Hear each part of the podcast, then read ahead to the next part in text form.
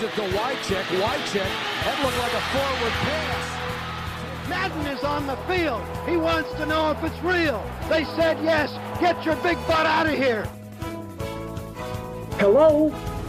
You play to win the game. Hej hej och välkomna till ännu ett avsnitt av veckans NFL med Mattias Olsson och Lasse Torman. Och idag Lasse ska vi göra ännu en sån där djupdykning som vi gjorde för några veckor sedan. Ja, eh, spännande. Eh, om vi kommer undan med heden i behåll även denna gången. vi får se. Ja. Annars kan man eh, skicka sina klagomål hem till dig, handskrivna brev. Ja, det, det kommer redan så många så några till gör inget. Precis. Eh, vi ska också snacka lite nyheter såklart, för det har ju varit ganska mycket med trade deadline som var igår kväll. Vi spelar in här på onsdag kvällen, eh, som är faktiskt en hel del grejer som hände. Det brukar ju vara ganska dött i NFL, men just i år var det lite action ändå. Och sen som vanligt blicka bak lite till vad som hände förra veckan och lite vad som hände runt om i ligan. Och, och sen tar vi och ska göra, göra faktiskt ett djupdyk i Philadelphia Eagles den här gången och snacka lite om dem. Eh, och sen såklart eh, veckans matcher ska vi också kika på och ta lite frågor. Fullspäckat. Verkligen fullspäckat. Ja. Så, så vi kanske ska dra igång om vi ska lyckas. Ja, inget mer kallprat, kör. kör. Eh, och som sagt, trade deadline, den stora nyheten eh, tycker jag i alla fall under, under den eh, perioden där var ju quarterback Jimmy Garoppolo som har varit eh, backup i Patriots. Det har varit mycket snack om honom, vad han ska ta vägen och eh, Patriots ville gärna behålla honom om man ska tro Belichick, men eh, det blev liksom ohållbart till slut att ha två så ändå eh, högprofilerade spelare eh, i laget och man bytte bort honom till San Francisco 49ers mot ett val i, i andra rundan. Vad tycker du om det? Uh, känns spontant som han borde kunna fått lite mer uh, och det har varit lite snack där om varför han inte har öppnat dörren för uh, Cleveland Brown som kanske hade kunnat betala mer men det går där baka historien mellan uh, Belichick och just Cleveland där han har varit innan. Men Ah, fasiken, han har ju bara visat än egentligen, Jimmy Garoppolo. Han, han gjorde det okej okay på matcher i Bradys frånvaro. Det är ju inget säkert kort än så... Jag vet, jag, jag vet inte, det är kanske lite, lite eh, snålt betalt men ändå... Äh, tycker ändå att andra val är ändå bra. Högt andra val är det ju bli. Ja, det lär ju bli dem i 07. Så eh, nej, men jag, håller med dig. Man hade säkert kanske kunnat fått lite mer betalt av typ Browns, men eh, av någon anledning så ville man inte göra den dealen. Och en av de eh, grejerna som vi sen blev klart faktiskt ikväll här är ju att Brian Hoyer eh, istället skriver på för Patriots som deras, deras nya reserv. Så att det kanske var lite wheeling and dealing där, för Hoyer har ju spelat för 49ers den här säsongen. Eh, att man hade lite connections där kanske på något sätt och sen har ju som du säger Belichick fick ju faktiskt sparken från Browns sitt första headcoaching jobb långt bak i tiden och de spelar i samma conference så, så mycket så små grejer men eh, jag tycker ändå det är ett bra deal för 49ers som har väldigt mycket draftval så att eh, de hade råd att göra en liten chansning här på eh, Jimmy G. Mm. Absolut. Vi eh, hade en annan deal också. Dwayne Brown pratade vi om inför trade deadline. Eh, spelar ju left tackle för Texans, har varit väldigt bra, varit borta lite grann här nu, kom tillbaka mot Seahawks faktiskt i eh, i helgen här och gjorde en bra match, men nu bytte man honom till Seattle mot Inledningsvis så var det mot cornerback Jeremy Lane och ett val i femte 18 och ett val i andra 2019 men Jeremy Lane misslyckades faktiskt med sin fys där, fysundersökningen. Han har ju varit skadad så det kanske hänger ihop med det. Eh, och då blev det lite annorlunda. Det blev eh, Brown och ett val i femte rundan 2018 mot en ett val i tredje rundan 2018 som går tillbaka då till Texans och ett val i andra rundan 2019. Så det blev lite annorlunda. Jag hoppas ni hängde med där mellan siffrorna. Men eh, kort sagt, Dwayne Brown left tackle från Texans till Seahawks. Ja, ungefär så mycket hänger jag med på. Mm.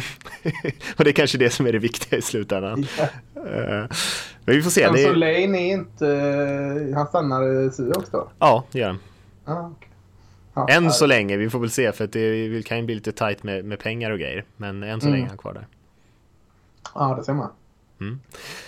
En eh, viktig förstärkning för, för Seahawks tror jag i alla fall kan, eh, att han kan göra nytta där. Sen är han ju ingen ung tupp så det är väl inte en eh, långsiktig investering kanske. Nej, men tillräckligt långsiktig för att kunna vinna Super Bowl i år. Ja, absolut.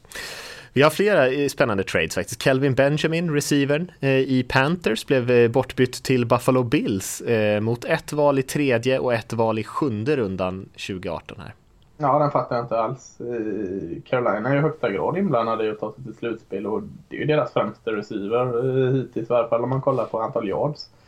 Eh, så jag, jag vet inte om man eh, vad, man vad man tänker med den. Ska man bomba ut ännu mer på Christian McCaffrey och, och, och vad är det mer där bakom? Funches och de. nej, jag, jag, jag fattar inte riktigt vad Carolina tjänar på det riktigt. Nej, den enda logiken man kan säga, eller logiken, eh, förklaringen är väl att eh, Gettleman som gillar de här stora typer av receivers har ju dragit vidare och ersatts av Marty Herney som är en gamla som varit general manager i Panthers tidigare och eh, det är ju inte Herney som har draftat och, och äh, valt ut den här spelartypen som Benjamin är och äh, det är i alla fall lite mer logiskt än om det var Gettleman själv som hade gjort sig av med honom.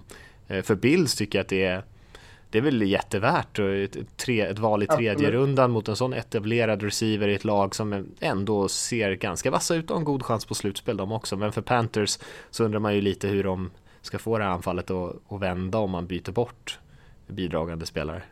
Ja, det har varit en sak om de var som får Niners ut ur liksom slutspelsbilden. Då kan jag mycket väl köpa att man liksom eh, inte vill bygga vidare på en sån del av hans sista år också på kontraktet. Där. Men, men eh, nu fattar jag inte alls. Eh, de vet väl kanske något inte vi vet som håller någon på practice squad som är grym. Jag vet inte. Mm. Ja, vi får se. Eh, en lite gammal nyhet som inte kommer i slutet som vi ändå kan nämna tycker jag. Marcel Darius tror jag inte vi tog upp förra veckan. De defensiva linjespelaren eh, blev ju bortbytt till Jaguars från just Bills mot ett val i sjätte rundan. Så väldigt dåligt betalt för Darius. Ja, eh, också konstigt. Nu har inte han presterat så eh, jättebra det sista för Buffalo. Men, men eh, ändå, man borde kunna kräma ut lite mer jäklar vad, vad mäktig defensiv linje. Den var, ju, den var ju mäktig redan innan. Nu är det, alltså det försvaret eh, ser riktigt smaskigt ut. Kan bara Darius hitta tillbaka till någorlunda form så ja, eh, tufft försvar. Ja, verkligen. Och det är inte mycket de har betalat Jaguar så Är det så att han är, inte levererar eller är strulig, han är ju lite av en karaktär, Darius. Eh rent eh, personlighetsmässigt så, så kan man ju faktiskt släppa honom utan att det är någon större skada skedd heller. Ja, konstigt dock att uh, han och Dog Marone var inte särskilt uh, bra vänner när de skildes åt där, den nya huvudtränaren Jaguars och, och gamla huvudtränaren i Bills där. Uh, en liten reunion där, lite konstigt. Stelt första möte menar du när han kommer ja. ner? Ja. Eh, vi har ett ännu konstigare val kanske, får man ändå säga, eller trade. Det är att Jay Ajayi, runningbacken, har blivit bortbytt från eh, Miami Dolphins till Philadelphia Eagles mot ett, ett val i fjärde rundan 2018. Ja, jag, jag har satt munkavel på mig själv när det gäller att kommentera Miami Dolphins. Höjde dem till skyarna och förlorade med 40-0 eh, Dålig timing. ja. Eh, så jag vet inte. Eh, fan vad har man? Kenyon Drake har man va? Mm. Eh, ah, jag, jag, jag, fattar inte alls och inte bra betalt heller. Nej, jag tror att det är det är lite skadehistorik som sitter där. Eh, Ajayo har haft eh, problem med, med sina knän lite grann. Hade det redan i college och eh, man har ju ganska bra koll där såklart från Dolphins sida på, med den medicinska staben som träffar honom säkert ganska ofta. Eh, och jag tror att det handlar lite om det, att man inte tror att han kommer hålla på sikt. Eh, och så är delvis för att Adam Gase, tror jag, huvudtränaren i Dolphins, vill skicka någon typ av budskap i det man har hört till omklädningsrummet att eh, så här jäkla dåligt får vi faktiskt inte spela i anfallet utan ingen sitter säker liksom. Nej, kan köpa det. Mm. Eh, vi har en annan lite, lite intressant story. Cleveland Browns är ju alltid en källa för underhållning. De eh, försökte ju få till en trade här med Cincinnati Bengals om att eh, värva eller eh, byta till sig den gamla Alabama-kuben där, A.J. McCarron. Eh, men på något sätt så, så föll det på pappersarbetet där minut, minuterna innan trade deadline att man helt enkelt inte lyckades eh, anmäla att den här, det här bytet skulle gå igenom till, till ligan och det, det föll på det. Eh, och sen så har man ju hört att det, man kanske inte var helt överens i, i Cleveland om man, om man verkligen skulle göra den här grejen, men man hade ju i stort sett kommit överens och det, det var klart. Men man hann inte få in papperna. Så jävla mycket Browns på något sätt alltså. Inte ens det lyckas han. Nej. nu äh, vet vi inte vad vi har med Caron heller. Det kanske äh, känns lite långsiktigt att han skulle vara räddningen för dem på något sätt. Men, men äh, om man nu ville ha han och så fump, fimpar man det också. Det är svagt eh, i alla led uppe i Cleveland alltså. Mm. Mm. Apropå svagt så jag vill bara en sista liten notis här att eh, Giants har stängt av sin cornerback Janoris Jenkins eh, för att han har brutit någon typ, något typ av lagregler. Eh, I alla fall vecka 9 men de har ju kallat det för en indefinite suspension och det är väl eh, bara intressant för att vi hade den här Dominic Rogers Cromartie historien. Eh, så att Jenkins har ju uppenbarligen kommit sent eller missat något möte eller något sånt där och, och blivit avstängd. Så att man har ju lite disciplinproblem kan man säga i New York just nu. Ja, det är spännande också. Jag kommer ihåg innan säsongen så, jag vet inte om det var McAdoo eller om det var någon i staben som delade ut, eh, säg att det var sprillans nya Air Jordan till hela laget för att alla hade skött sig så fint under, liksom såhär, ja ah, men vad duktiga ni har inte våldtagit någon, här får ni liksom skor. Tyckte redan då det var ganska bisarrt liksom, få belöning för att man inte är ett svin liksom. Men, men eh, ja, nu verkar det, får de kalla tillbaka alla de här jäkla skorna här nu. För, nu jäklar, nu är det, lever de loppan i det Big Apple. Precis, sköter sig under off-season och slarvar under säsongen istället. Mm. Mm. Det var precis vad han hade tänkt kan jag tänka mig. Eh, det får räcka med nyheterna. Intressant ändå, det är kul att det hände lite grann i trade eh, deadline där. Det är ändå ganska stora spelare, särskilt om vi pratar om Benjamin, Ajayi, en left tackle i Brown är väl kanske inte sådär allas, allas favoritsamtalsämne men ändå en stabil spelare. Eh, Garoppolo såklart, eh, alltid kul när det är quarterback som rör på sig. Så det är ändå ganska stora namn.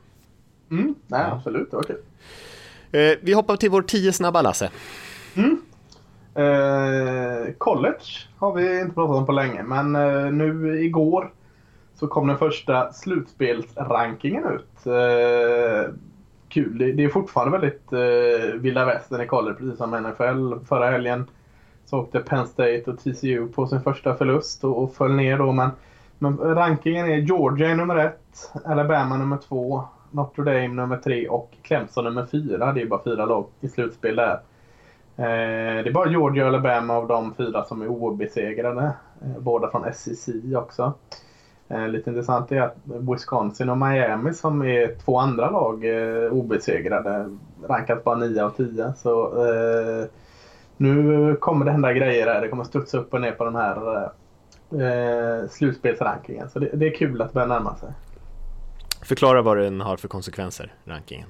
Eh, ja, eh, det är ju en, en, en jury, en grupp av x antal personer som eh, mäter scheman och resultat och allt det är möjligt. Och så rankar man 1 till 25. Eh, därav när alla matcher är spelade så är det lag 1, 2, 3 och 4 som går till slutspel i eh, college. En relativt ny grej ändå, det här med slutspelet. Ja, den har en 4, 5, 3, 4, 5 år på nacken bara. Mm. Innan dess var det bara ettan och tvåan som möttes i en final. Mm. Intressant, får, får man mm. hålla ögonen på. Eh, jag. jag. måste ju börja såklart med Seahawks-Texans-matchen som jag såklart tittade på i helgen, eh, som ändå får vara en av kandidaterna för, för årets bästa match än så länge.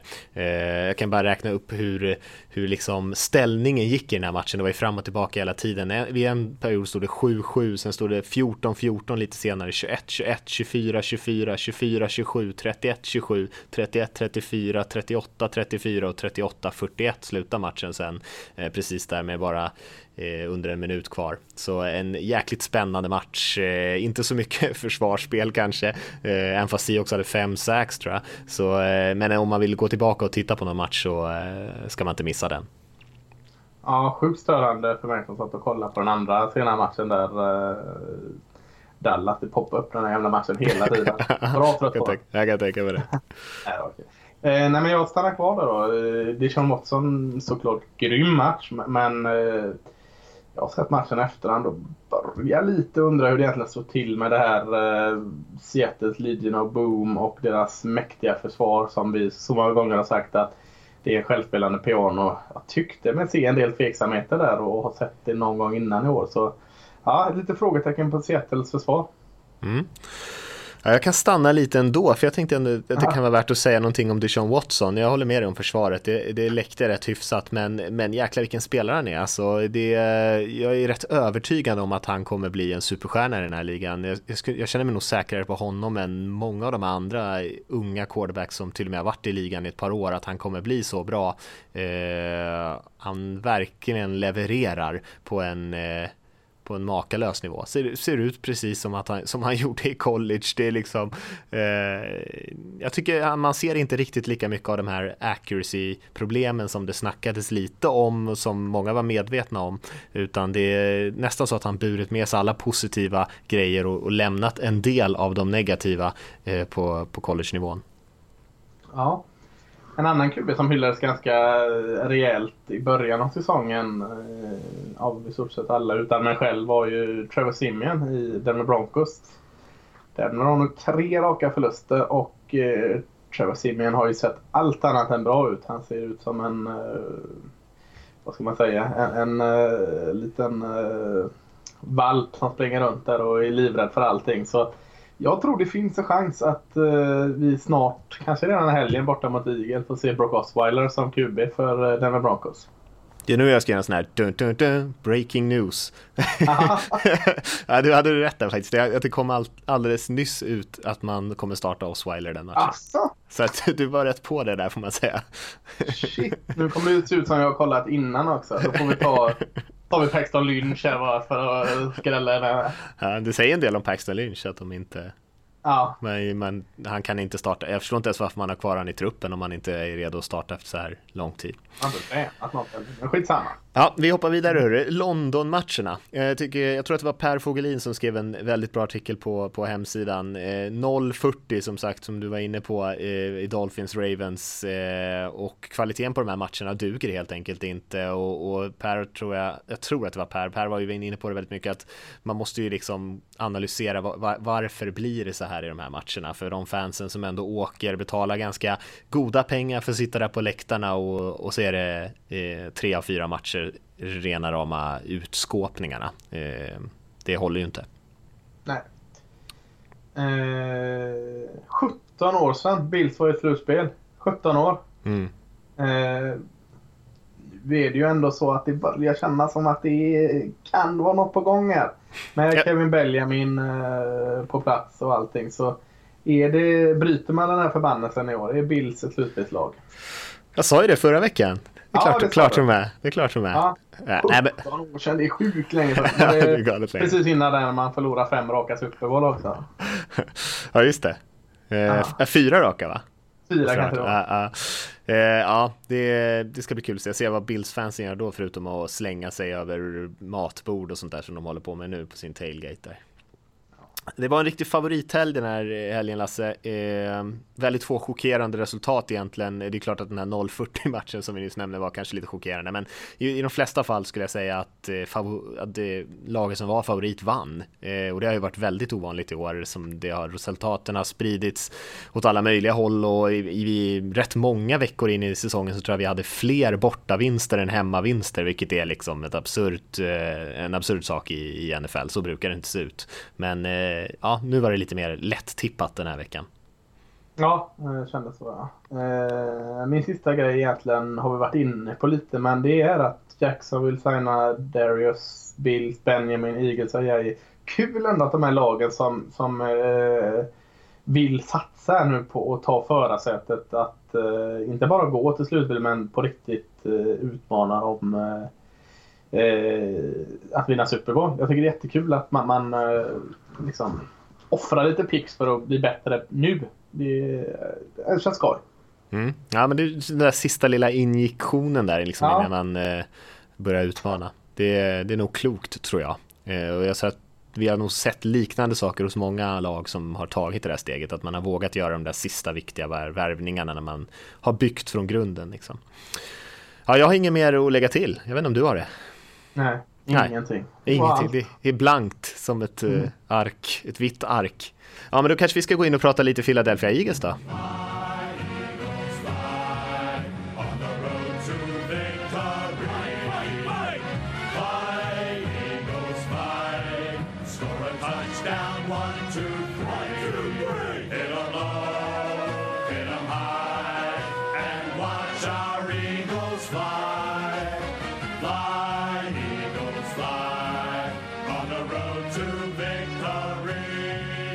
Stryker Eagles först och börjar prata lite om eh, denna härliga eh, stad Philadelphia. Eh, lite extra roligt, vi har ju vi har en resa här om, om, mindre än en månad som, som där en av destinationerna just är Philadelphia. Så även det är aktuellt. Fasen vi är aktuella Mattias. Alltid. Ja. Eh, det ligger ju på östkusten där mellan New York och Washington inklämt längst eh, den ibland fina Delaware River. Eh, Vet du vad, eh, varför smeknamnet City of Brotherly Love kommer ifrån? Varför den kallas eh, stan av broderlig kärlek? Mm, jag var tvungen att tänka lite. Nej, men det vet jag nog faktiskt inte. Nej. Filos Adelfos är det ju. Det är ju latin såklart. Filos är kärlek och Adelfos är broder. Där, därav, där kommer det ifrån. Eh, kallas också för The Athens of America. Eh, tydligen en gång i tiden fanns det intellektuella människor och konstälskande folk i, i stan. eh, så då tyckte de att det var The Athens of America. Och sist min favorit är, men du ska ju få välja favorit och smeknamn som alltid. The City That Bombed Itself. Det tycker jag är jävligt fint. Alltså, stan som bombade sig själv.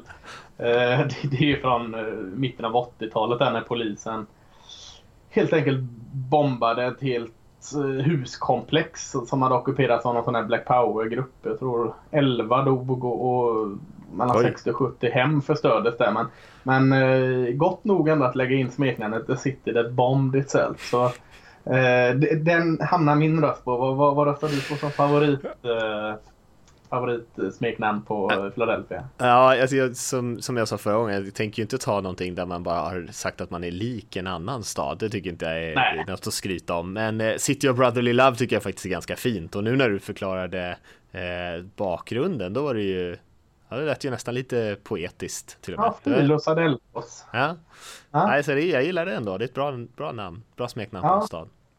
Eh, men det, det, är en ganska kul stad eh, med lite historia. Declaration of Independence skrevs ju här. Eh, ska jag inte gå in på en för lång historielektion men, men det är väl betydde att de här 13 staterna som var fanns då inte längre stod under brittisk flagg och du hittar Liberty Bell där och framför allt så kan du äta den här sjukt goda mackan eh, Philly Cheesesteak. Det är ju en, en baguette-liknande macka med eh, Flottigt. stekt och Ja, flottigt som. Stekt och hackad entrecote eller något och så är det ost och lök och paprika och champinjoner och så smälter du allt det till en god, god röra och så får du allting på tröjan när du äter. Det fick i alla fall jag när jag åt det. Så, eh, det finns gott. Eh, men, men laget, eh, Philadelphia Eagles, var väl inte Philadelphia Eagles från början Mattias? Nej, det var det egentligen inte. Det beror på liksom hur långt vill, vi vill gå tillbaka, men... Eh, långt bak. så långt som möjligt. Nej, men jag, ja. tänkte, jag tänkte att man kunde säga någonting om, om professionell fotboll egentligen i Philadelphia, för det börjar ju inte med Eagles som du var inne på, det börjar ju kanske lite mer blygsamt. Eh, första laget hette ju Frankfurt Yellow Jackets, eh, eller till och med Frankfurt Athletic Association innan det, om man går tillbaka ännu längre. Frankfurt är ju en slutstation på tunnelbanan där i, i Philadelphia, kanske typ en mil ut utanför eh, liksom city center på något sätt. Yellow Jackets, är det, det är något sånt här typ getingar eller humlor eller något sånt där flygfän som kan sticka hemma? Ja, det är en bra fråga. Det vet jag faktiskt inte om det ja, finns det något som kallas för det. Ja, ja. skitsamma. Ja, hur som helst, det, det finns jättemycket roliga saker med det här Yellow Jackets. Man skulle kunna egentligen ta ett helt avsnitt om dem. Jag kan säga några grejer om i alla fall. De hade ju, det var ju liksom ett eh, väldigt lokalt lag. Eh, man hade ju väldigt bra lokalt stöd och, man hade bland annat skrivit in i sina stadgar att man skulle ge bort alla vinster till välgörenhet. Så man gav alla vinster till lokala sjukhus och sånt. Eh, de hade sitt eget band. De arrangerade bussresor till bortamatcherna bort till New York. De hade ett damlag.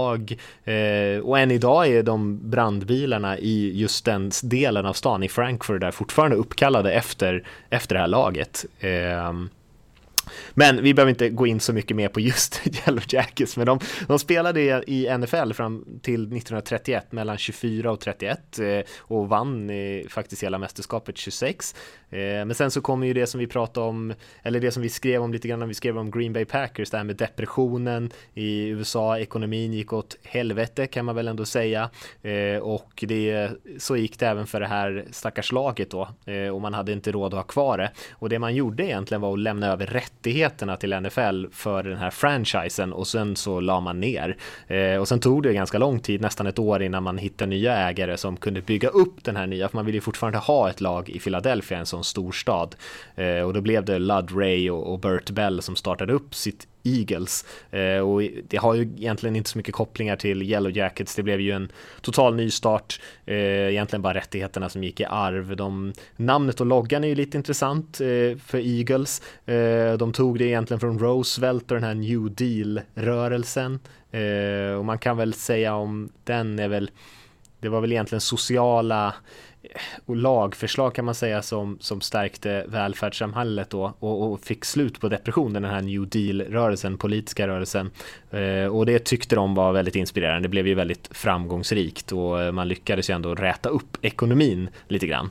Eh, så att det kanske hänger ihop lite grann. Men för även för du var inne på Philadelphia där nu, det är, idag är det ju en Eh, så här, blomstrande ekonomi, universitetsstad och, och eh, väldigt sådär. Men eh, den här Eagles bakgrund är ändå väldigt mycket från en arbetarbakgrund eh, i en stad som egentligen byggt på invandring.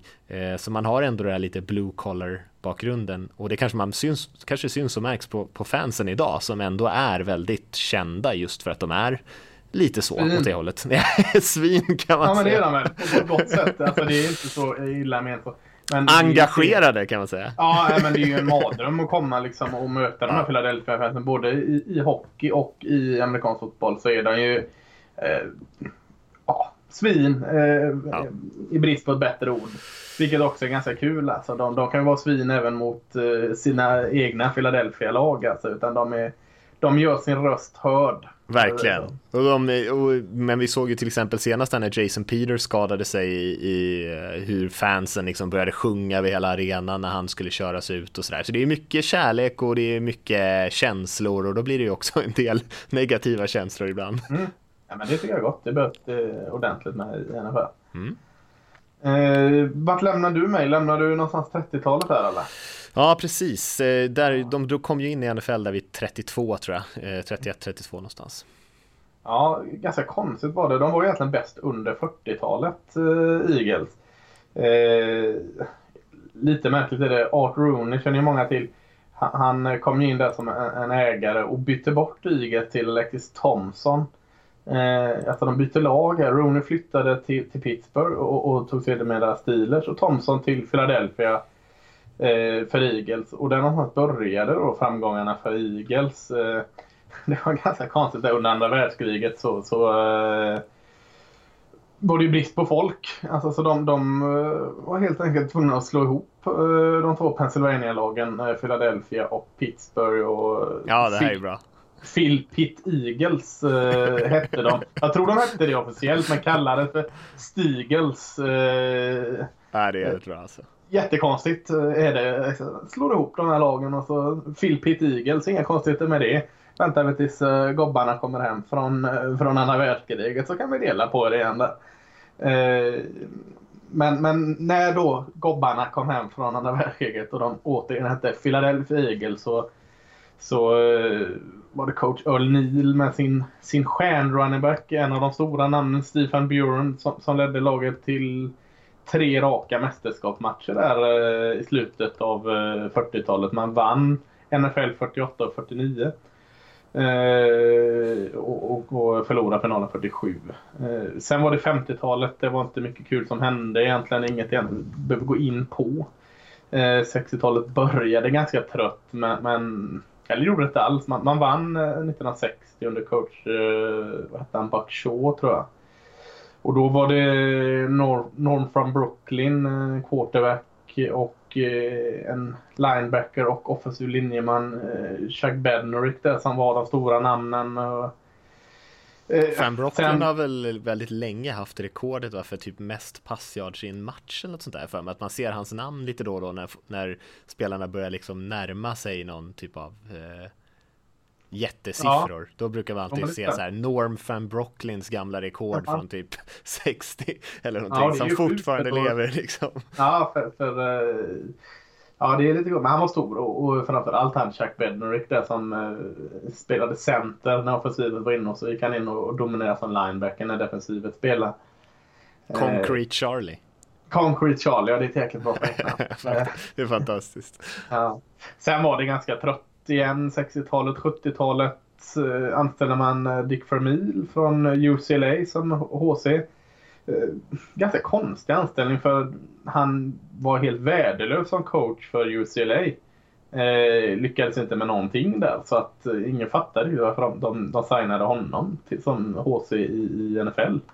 Eh, men han lyckades jättebra. Eh, då hette kuben eh, Jaworski, Ron Jaworski tog man Eagles i slutspel fyra år i rad där och in på 80-talet sen. Nu hoppar jag snabbt i historien här Mattias. Jag hoppas ja, att du är, med. Det är lika bra det. Ja, 80 vann man NFC stå för första gången. Eh, eh, och efter man besegrat eh, rivalen Cowboys i eh, Championship-gamen där var man klara för sitt första Super Bowl. Eh, där åkte man upp på torsk mot Oakland Raiders. Men det tog ändå ganska lång tid att framförallt vinna NFC nu är väl den från, ah, vad är det, 70-talet? Eh, nej, vad säger jag? Eh, när, när, slog de ihop NFC East och, och sådant Mattias? Alltså den, så att de fyra lagen har spelat? Ja. Uff, det vet jag inte. Jag kan kolla om du vill. Nej, skitsamma. Det, mm. eh, det tog ganska lång tid för dem att vinna den, men, men det var lite där eh, korken ur. När man vann den äntligen så, så gick man och eh, besegrade just Cowboy som var rival i Championship-matchen och sen eh, åkte man då olyckligt på torsk mot eh, Oakland Raiders i, i Super Bowl-finalen. Eh, 85 är ett annat årtal som jag ringer in. Då, då man draftade eh, en viss pass rusher med namn Reggie White. Eh, året efter anställde man eh, en annan väldigt eh, känd eh, coach, eh, Bear, Chicago Bears framgångsrika defensiva koordinator, Bud Ryan, som ny HC. Och det, det gav ju ett lyft till laget. Eh, alltså både Reggie White och eh, Ryan, det var, var ju en lyckoträff för att få igång det där försvaret. Men, men han var lite, lite som eh, det ska vara, ska vara senare här att Bud Ryan lyckades aldrig riktigt med Eagles i slutspelet. De gick jättebra i grundserierna men alltid direkt stopp i slutspel. Eh, Lite som Andy Reid. Ja, men det är det. Alltså det historien återupprepar sig senare. Så att, eh, till slut efter en, en klassisk match mot... Eh, jag kommer inte ihåg vilka det var. Jo, det var mot sitt gamla lag, Chicago Bears. Eh, I total dimma, eh, kallas för Folkball eh, 1988. Så, så fick eh, Eagles nog. Då, då kickade man Buddy Ryan nära att eh, det funkar ju inte och framförallt inte förlora mot hans eh, tidigare lag. Eh, och 90-talet sen var det ganska mediokert innan man eh, till slut i slutet av 90-talet, 99, anställde eh, Andy, Andy Reid. Eh, som egentligen dag ett eh, var delaktig och eh, draftade en annan QB, eh, Donovan McNabb eh, och det, det var lyckoträff för där eh, i början av, av 2000-talet sen eh, så eh, var Eagles, alltså mellan 01 och 04 var Eagles i, i fyra raka Championship-matcher i NFC. Och under McNabb, ja, jag kollade lite snabbt, men det känns som det var hans bästa säsong, McNabb 2004. tillsammans med Terrell Owens, där wide receiver tog man återigen klivet hela vägen till Super Bowl och återigen förlorar man mot Patriots. Patriots. var en skitjämn, jättebra match eh, fram till fjärde kvarten. Jag tror det stod lika när fjärde kvarten drog igång. Men sen så var Patriots för stora som de så ofta är. Eh, men Andy Reid, precis som Buddy Ryan, var ju grym alltså, coach fram till slutspelet. För Alltså han fortsätter med 2006, 2008, 2009, 2010, 2013 tog han dem till slutspel ganska tydligt. Men, men ja, då var det ju där igen. Fan, man vinner inte slutspel. Så då, då var, det, var det slut med, med uh, Andy Reid. och sen kom ju det här med Dream Team som de kallades när de värvade alla de här fräcka spelarna på Free Agency. Och nu skulle de bara liksom promenera hem eh, det här och det blev ju totalt fiasko. De tog sig inte ens till slutspel. Och fick de bygga om igen och in med Chip Kelly här, Oregon-coachen. Eh, och då skulle det återigen vara snabbt tempo, trendigt, banbrytande spel och hög musik blästades ut på träningarna. Vilket resulterade till ingenting det heller. Så nu egentligen är de eh, åter på banan här med eh, Andy Reid-adapten då. Doug Peterson kommer ju från Kansas och under Andy Reid så att där är vi nu. Hängde du med hyfsat i den här tidslinjen? Mm, ja, det tycker jag. Vad, vad, skulle du säga är deras mest framgångsrika period? När var de liksom som bäst? Ja, jag kommer ihåg det som igår hur bra de var där på 40-talet. Nej men det måste ju varit, alltså de vann ju NFL 48-49. Eh, mm. Så jag skulle säga att slutet av 40-talet var nog deras bästa period.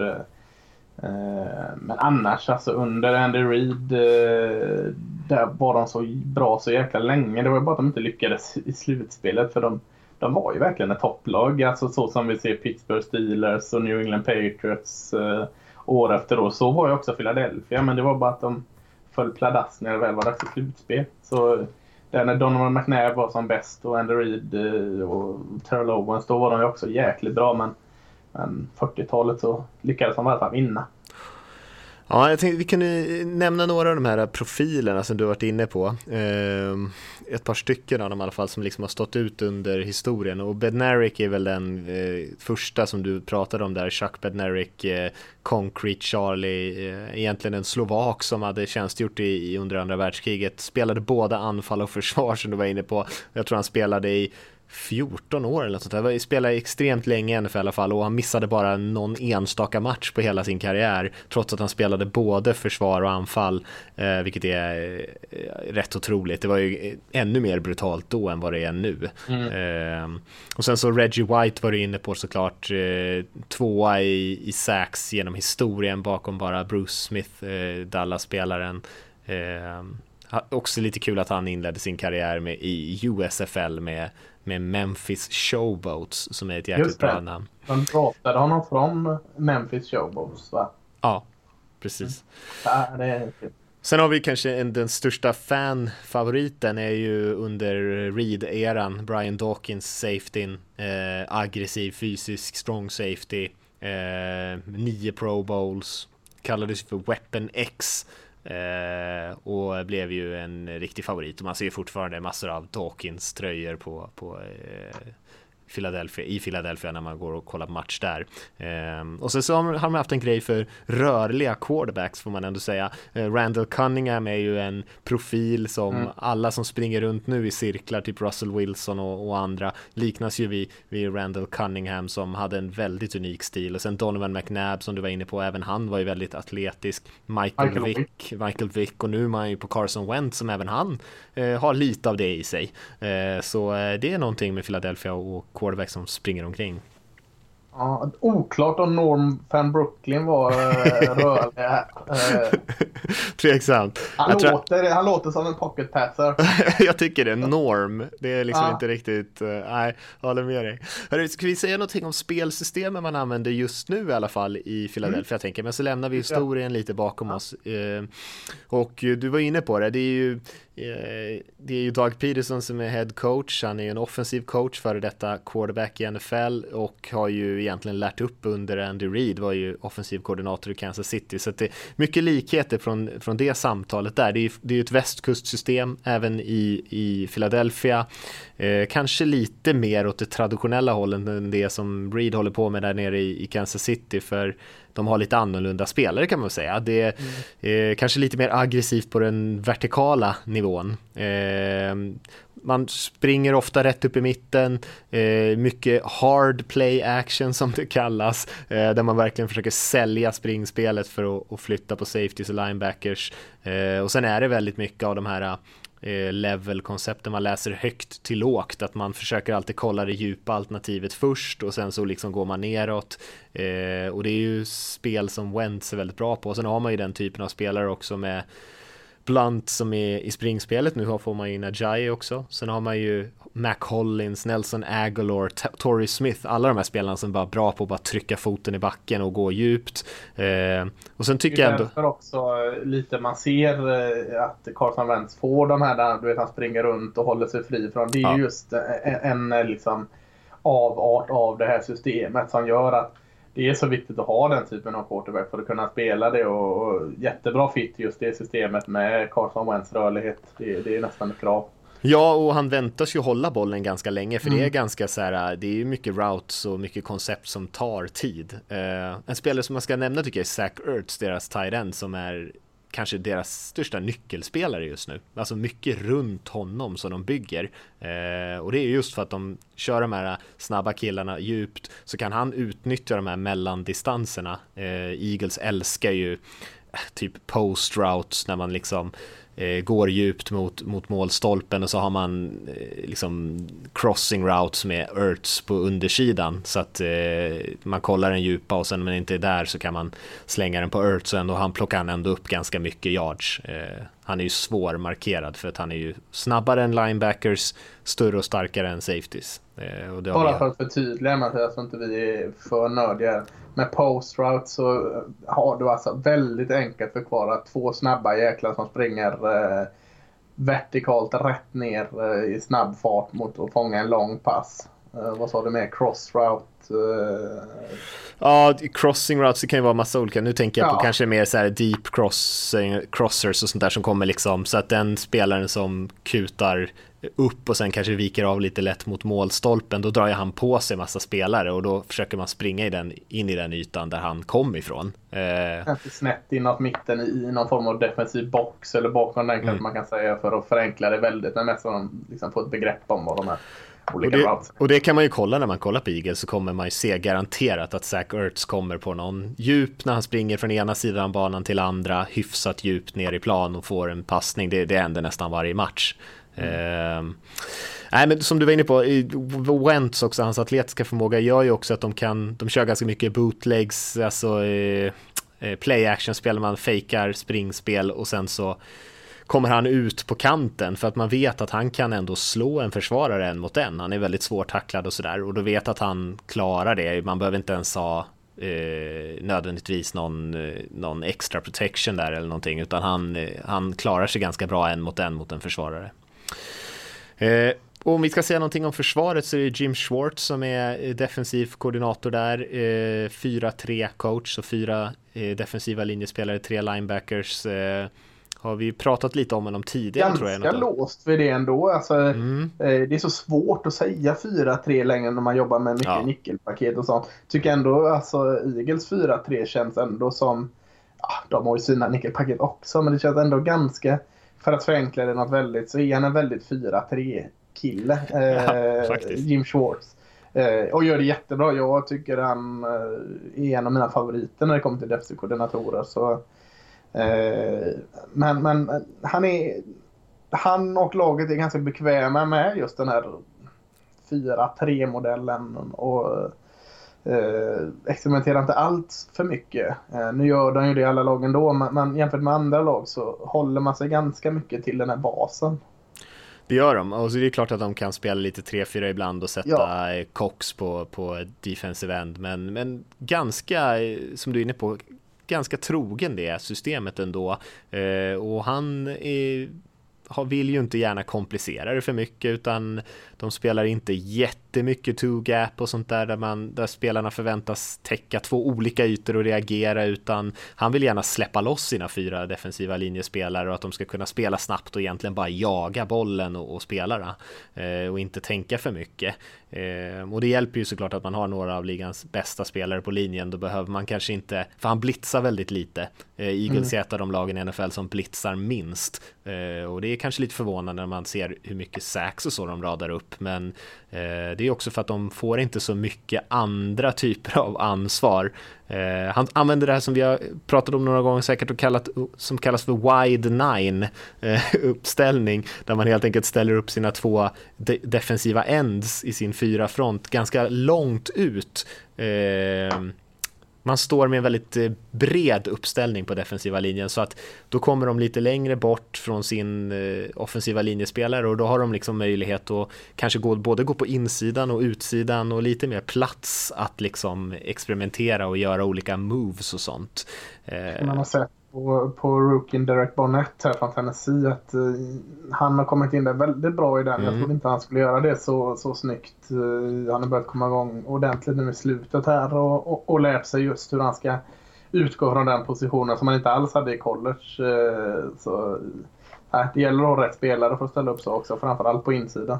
Ja, och det gör ju också att eftersom, nu har de ju Fletcher Cox, de har Vinnie Curry, de har Brandon Graham, de har väldigt mycket bra spelare, men alla de egentligen bidrar i, i pass rushen. Just för att mm. man, eh, det är så han vill ha det. Mm. Ja, det, det, det är om det, som man brukar säga. Ja, jag tycker bra genomgång. Eh, tar emot att säga det, men kul lag att prata om eh, Eagles. ja, de går ju väldigt bra nu också. Ja, eh, och det är mitt hopp här att alltså, när vi tog upp Kansas City så tror jag de hade två raka förluster. Så eh, mitt hopp att Dallas ska kunna hänga kvar där är ju att vi tog upp Philadelphia Eagles i den här podcasten. Så de förlorar nu i helgen mot Brock Osweiler och Denver Broncos. Och så näst på tur vad det nu är så, så kommer mina jinx, våra jinxar där att fortsätta leva. Mm. Mm. Nej, men de ser ju, de ser ju alltså, väldigt bra De ser väldigt kompletta ut. Det är liksom svårt att peka ut på, ja men de är bra, men där, där är det en, en stor svår. Det kanske är att alltså när det, den här defensiva linjen eh, får leka så, så krävs det lite ansvar på, på linebacker och eh, eh Jordan Hicks skadad där. Inte någon jättestjärna, men han är en sån eh, unsung hero. Han gör så väldigt mycket där på sin uh, mic-position. Och nu är han borta där och det kan kanske märkas. Jag är lite, lite orolig för uh, vad de har riktigt för uh, personer att stoppa in i hans frånvaro. Så det, det kanske kan vara det. Ja, passförsvaret är väl kanske deras liksom, stora mm. svaghet och då hänger ju deras linebackers med såklart i den eh, ja. gruppen. Men det är väl lite... Det har blivit bättre deras passförsvar. Mm. Alltså, men, men Jalen Mills har kommit igång bra. Ja, jag faktiskt har inte tänkt på hur bra Ronald Darby har spelat. Eh, ändå stort namn från Buffalo. Men jag har inte tänkt på honom så mycket. Eh, brukar vara ett gott tecken på corners när man inte tänker på dem. Ja, jag tror att han har spelat helt okej. Okay. Ja, så ja, de, de har personal där med. Sidney Jones har inte ens, eh, han är skadad eh, fortfarande va? Han har draftade högt från Washington eh, i andra rundan så de har ju lite på sparkapitalet där va? Ja. Nej, det är ett kul lag. Wentz är ju en ganska rolig spelare också. Ehm, och nu när man får in Ajayi här, för det är väldigt viktigt för dem att, ha springspelet igång tror jag.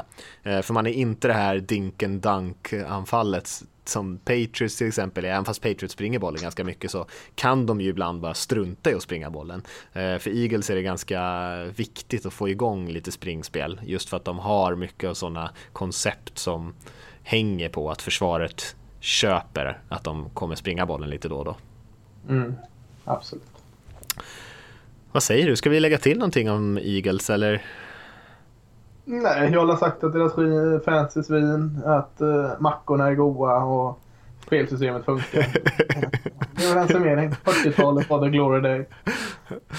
Ja, det är jäkligt sant. Nej, men det är ja. ganska kul lag faktiskt. Det är, ehm, finns en del historia där både i stan och i laget och man är fortfarande lite sådär halvt svältfödda på en ordentlig framgång. Och, eh, De har ju aldrig vunnit Super Bowl, ändå ett så klassiskt stort lag ändå som var, varit så bra så länge, aldrig lyckats vinna Super Bowl. Och det, det har väl alla andra lagen i NFC gjort va? Ja. Ja. Mm. Så det har man lite mindre värdeskomplex. Ja. Men än så länge så ser det ju bra ut, de leder ju divisionen. Ja, du kan inte ge mig sådana öppna mål. Jag får mig runt på Jag förstår det. Ja. Om vi ska kolla lite på veckans matcher då. Vi, vi gör det mm. tycker jag, vecka nio. Absolut. Jag tycker eh, NFC South en eh, fortsatt getingbo med, med, med Saints som ändå gör ett försök att dra lite. Men vi har ju En bra eh, divisionsmatch. Eh, Atlanta 4-3. Eh, åker till Charlotte, Carolina och möter Carolina Panthers som är 5-3. Känns som en, en eh, spännande match att haka på New England Patriots här. Eh, Atlanta hade tre raka förluster men, men slet till sig skulle jag säga i i regnet mot Jeff borta utan något vidare skönspel. Eh, en vinst senast. Jag vet inte riktigt. Jag är inte Atlanta, är de så bra på något i år? Alltså, jag är inte så såld på varken offensiven eller defensiven. Julio Jones är ju grym, absolut. Eh, och Matt Ryan har ju sina stunder såklart. Men det är så mycket ibland känns det. Ibland eh, försvaret bra, ibland funkar springspelet, ibland har Matt Ryan en riktigt bra dag. Alltså, Eh, och, och, samma med försvaret. Det känns som de har lite för många eh, avdagar om man säger så. Men man är, man är trots allt 4-3 så eh, jag har väldigt svårt att placera Falcons i år. Eh, började ju lite trevande. Nej, det kanske man inte gjorde. För man avslutade i alla fall väldigt, väldigt fint förra året. Så man kan hoppas på det även i år. Eh, men det blir första divisionsmatchen faktiskt för dem. Eh, de har inte spelat mot något av de här lagen innan. Så att man kan ju börja samla segrar innan divisionen. Eh, men Carolina tyckte jag såg jättebra ut senast mot eh, Buccaneers. Buccaneers fortfarande en av mina stora besvikelser för år. Eh, Carolinas försvar eh, började säsongen skitbra. Eh, har sen dess tappat lite men nu var de återigen här och, och, och presterade riktigt bra tyckte jag. Så, så jag, jag har lite svårt att, att, placera den här matchen vad, vad, vi, vad vi förväntas få se. Eh, jag, kan, jag kan inte säga om det blir en försvarsstark match eller om det blir flodöppning här eller vad, som händer. Ja, vad, vad, har du för känsla av matchen eh, Mattias? Hmm. Jag vet faktiskt inte, det är svårt. Jag håller med dig Panthers försvar har spelat eh, väldigt bra i år. Anfallet har ju varit en stor besvikelse och Cam Newton mm. har ju inte haft en bra säsong. Eh, Julius Peppers i försvaret, han, han vägrar att inse att han är gammal. Gubben kan. Ja. Ja. Nej, eh, båda de här lagen tycker jag egentligen är besvikelser i år. Atlanta... Ja, men de är ju ändå 4-3 och 5-3 liksom. Så att när jag liksom ändå tankarna var det. Jag tycker inte de har sett bra ut. Är Panthers 5-3? Är de inte det? Nej, det blev, jag... jag var nästan tvungen att kolla det nu för nu blev jag lite förvånad när du sa det. Uh -huh. Ja, det stämmer. Herregud. Ja. ja, det är faktiskt chockerande för att de, det var inte en snygg match de vann senast mot Tampa Bay, men, men de vann ju. Eh, ja. och försvaret med James Bradbury, cornern där tycker jag spelar jättebra. Falcons, jag har ju sagt ganska länge nu att jag, jag tror att det kommer lossna för dem. Eh, försvarsmässigt. Ja, men det tror jag också, men, men när liksom? Ja, det är frågan. Försvarsmässigt håller jag med dig. De, jag tror inte att försvaret kommer bli vara sådär bra i år någonsin. Men anfallet, man flyttar ju bollen jättebra. Man flyttar bollen bra mot Jets senast också. Man hade fem, tror jag, Red Zone eh, besök och man gjorde kanske knappt någon TD på dem tror jag, men så man ändå kommer hela vägen ner dit och sen tar det stopp. Eh, så man ja. måste hitta den där liksom sista bara så man kan pusha in den där i, för en touchdown. Eh, men annars liksom det, det ser okej okay ut, men eh, ja, det är visst klart man, det är inte samma lag som förra säsongen, men jag tror att de är bättre än så här. Jag tror att de vinner mot Panthers här faktiskt.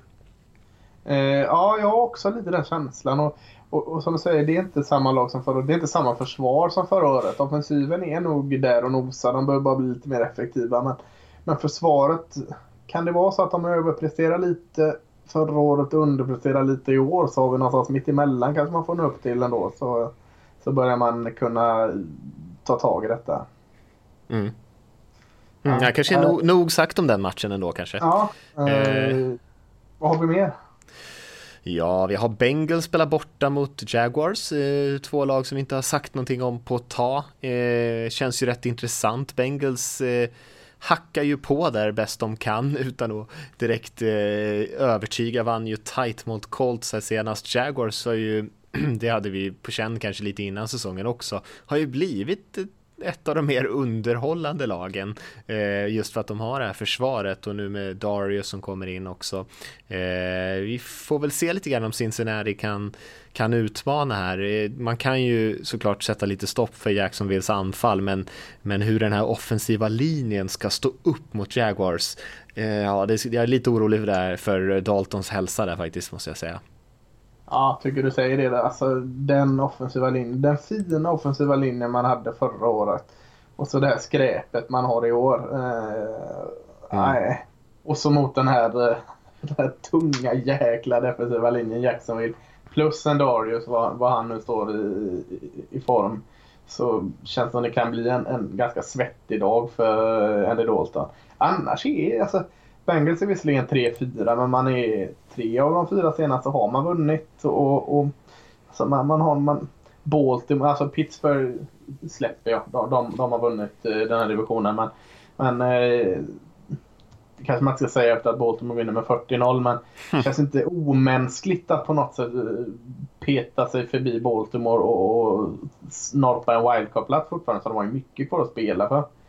Eh, han, Joe Mixon, en running backen, kom ju igång väldigt fint i, i passspelet sist. Eh, eh lämnade en del önska i själva springspelet men, men eh, bra om man hittar några andra vägar än i Green och gå där tycker jag. Så, eh, nej, nej det, det är en kul match och, och Jacksonville som vi säger, deras försvar är, är tungt alltså.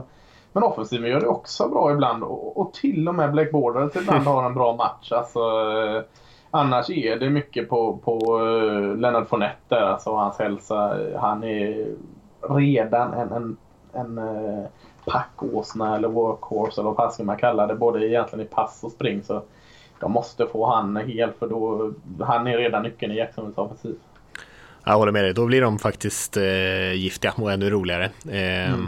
Men jag tror att de tar den här på hemmaplanen då. Jag tror att de kör över Cincinnati. Jag tror att det kan bli sådär, ja, Cincinnati gör nio poäng eller någonting. Eh... 15-6 av, uh, av Jacksonville. Sju av Calaya Campbell. det kan, det kan de har redan två stycken matcher med 10 sax. Så, uh, ja. Det är dags att hitta på någonting nytt nu faktiskt. Det, vi har hört det förr. Hörru du, du var inne på lite på, på Ravens där i AFC North som ändå, de har ju en viktig match här borta mot Titans och mm. det är ju även en viktig match för Titans för övrigt för att både Cincy och Baltimore spelar i samma division men även Tennessee och Jacksonville och eh, det är ju tajt i de divisionerna förutom att Steelers har dragit ifrån lite. Eh, och de vann med 40-0 senast mot Miami. Själv säger jag, nej, jag tror inte så mycket på det resultatet. Jag tror att det är London, det är Dolphins. Nej, jag, jag, ger dem inte så mycket cred som de kanske förtjänar. Eh, Col Alex Collins har ju kommit in och spr sprungit bollen väldigt bra för dem. Men jag tror att det fortfarande finns brister i det här anfallet som är svåra att rätta till. Titans också ett av årets stora besvikelser tycker jag, har inte sett bra ut helt enkelt och eh, man har ju fortfarande goda möjligheter att vinna sin division för att det inte finns något riktigt topplag där just nu. Eh, men det gäller ju att man börjar spela ordentligt och få Mariota 100% frisk så att eh, den här eh, kombinationen av hans rörlighet och den här ibland bra offensiva linjen kan börja arbeta tillsammans. Men spännande match, jag tror Titans tar den på hemmaplanen idag. Ja, jag, jag håller med dig helt. Alltså, Tennessee en besvikelse. Ändå 4-3 alltså. Om vi sa mm. att det eh, konstigt att uh, Panthers var 5-3 känns det konstigt att både Baltimore och Tennessee har fyra vinster var. Mm. Uh, har inte spelat så bra tycker jag inte. Uh, skitsamma om det var i London eller inte. Alltså 40-0 ger bra självförtroende. Vilket man inte ska underskatta både för försvaret, offensiven och för Baltimore. Och, och Alex Collins, jag har alltid gillat honom och, och, och jag tror han, han kommer fortsätta producera men, men det är väldigt ensamt för honom att göra det i, i eh, offensiven. Defensiven, den, den, känner jag den är bra tycker jag. Så det, det är närmare sanningen att de nollar Miami än att de sätter upp 40 poäng mot Miami. Så att eh, defensiven är känt närmare. Brandon Williams och CM Mosley känns, hade varit riktigt bra tyckte jag. Titans som du säger, de, de måste först och främst måste de få, få en hel Marcus Mariota så måste de börja använda lite, måste våga använda den mer än att eh, göra de här små eh, uh, duttarna och, och hands-offen. Alltså, nu är uh, coach eller rookie-receiven Corey Davis tillbaka från skada här och tror han kan, om, om han är hel så tror jag han kan. Han började ju väldigt bra, tror det var redan match 1, men en jättefin uh, match. Uh, tror han kan påverka ganska mycket. Och Får de igång det lite mer så öppnar det sig upp lite för den här offensiva linjen och springspelet som fortfarande är bra men som kan bli sådär dominant som de var förra året. Eh, Tennessee också visserligen mot, mot eh, Colts och Browns men, men två raka vinster. Eh, självförtroende tycker det är det pratas inte nog om det som en, en bra, bra tillgång. Ja, spännande. Vi ska, vi ska hoppa vidare för vi har inte så jättemycket tid, eller rättare sagt vi har, vi har redan slösat väldigt mycket tid. Men, ja. men, vi har ju Chiefs Cowboys också kan man ju säga i en eh, stor match där på kvällskvisten och de lagen har vi sagt ganska mycket om de senaste veckorna men eh, kan ju vara värt att notera lite av ett mm. eh, toppmöte där ändå. En bra måndagsmatch också, eh, Lions eh, Packers. Ja. Uh, Lions 3-4, Packers 4-3. Ingen Aaron Rodgers. Kanske man kan kalla Lions favorit uh, borta i Lambo. Någon av dem måste ju försöka hänga med Vikings där i alla fall. Mm. Mm. Vi ska ta två stycken lyssnarfrågor innan vi rundar av Lasse. Eh, yes. Och då har vi en från Peter. Hej, tack för en bra podd. Har två frågor. Vilket lag tror ni blir nästa att vinna sin första Super Bowl? Och när gör de det? Lag som nu står på noll Super Bowl-vinster. Alltså så har han räknat upp dem alla här Lasse, men då behöver vi ju kanske inte läsa upp. Det är rätt många.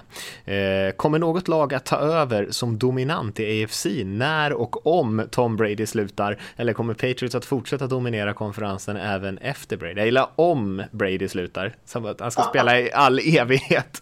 Kanske så det känns i och för sig för Jets, Bills och, och Dolphins fans. Eh, ja, vi kan ta den först.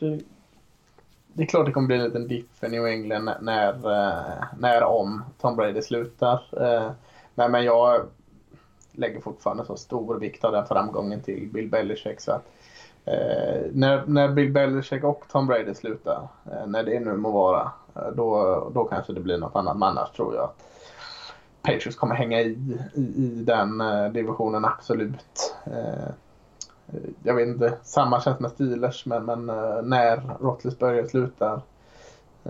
jag vet inte. Nu ser vi Houston Texans med en grym quarterback, något de har saknat sen Machob hade en och en halv bra match för när det nu var sen.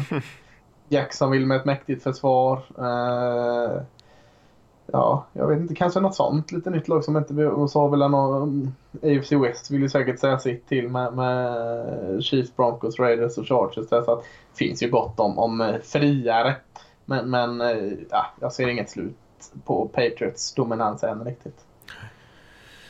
Första Super Bowl, eh, jag kan räkna upp dem lite fort medan du funderar, ja. men det är Vikings, Bills, Eagles, Bengals, Falcons, Panthers, Chargers, Titans, Cardinals, Browns, Lions, Jaguars, Texans.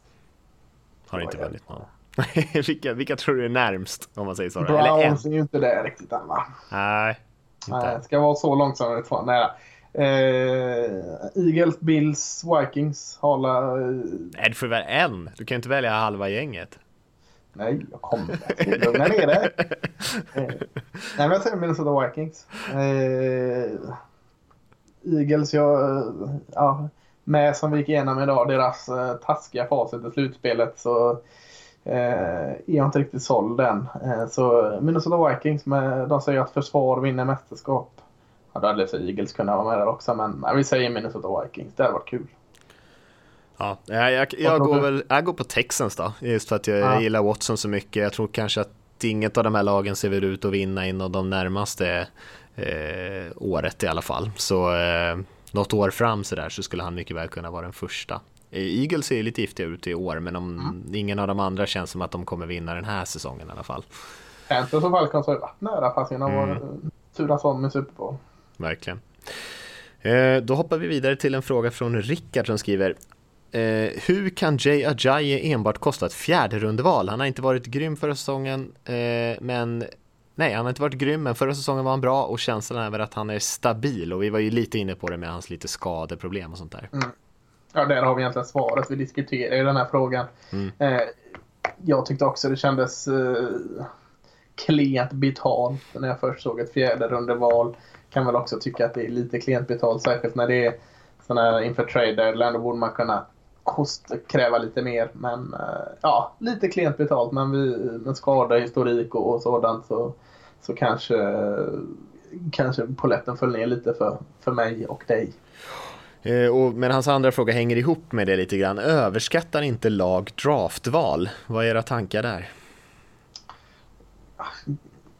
På, draftval på vilket sätt? Liksom? Kvantitet eller höga draftval? Eh, jag överskattar inte draftval i varje fall. Eh, så, så jag kan inte säga att lag överskattar draftval heller. Eh, om man kollar på hur mycket man bygger alltså inom eh, från grunden när man draftar något och bygger upp till att man, man tar free agents. Jag kan ju bara ta mitt Dallas Cowboys som är bedrövliga på att få free agents att funka bra. Så allt som funkar bra i Dallas kommer från egna draftval.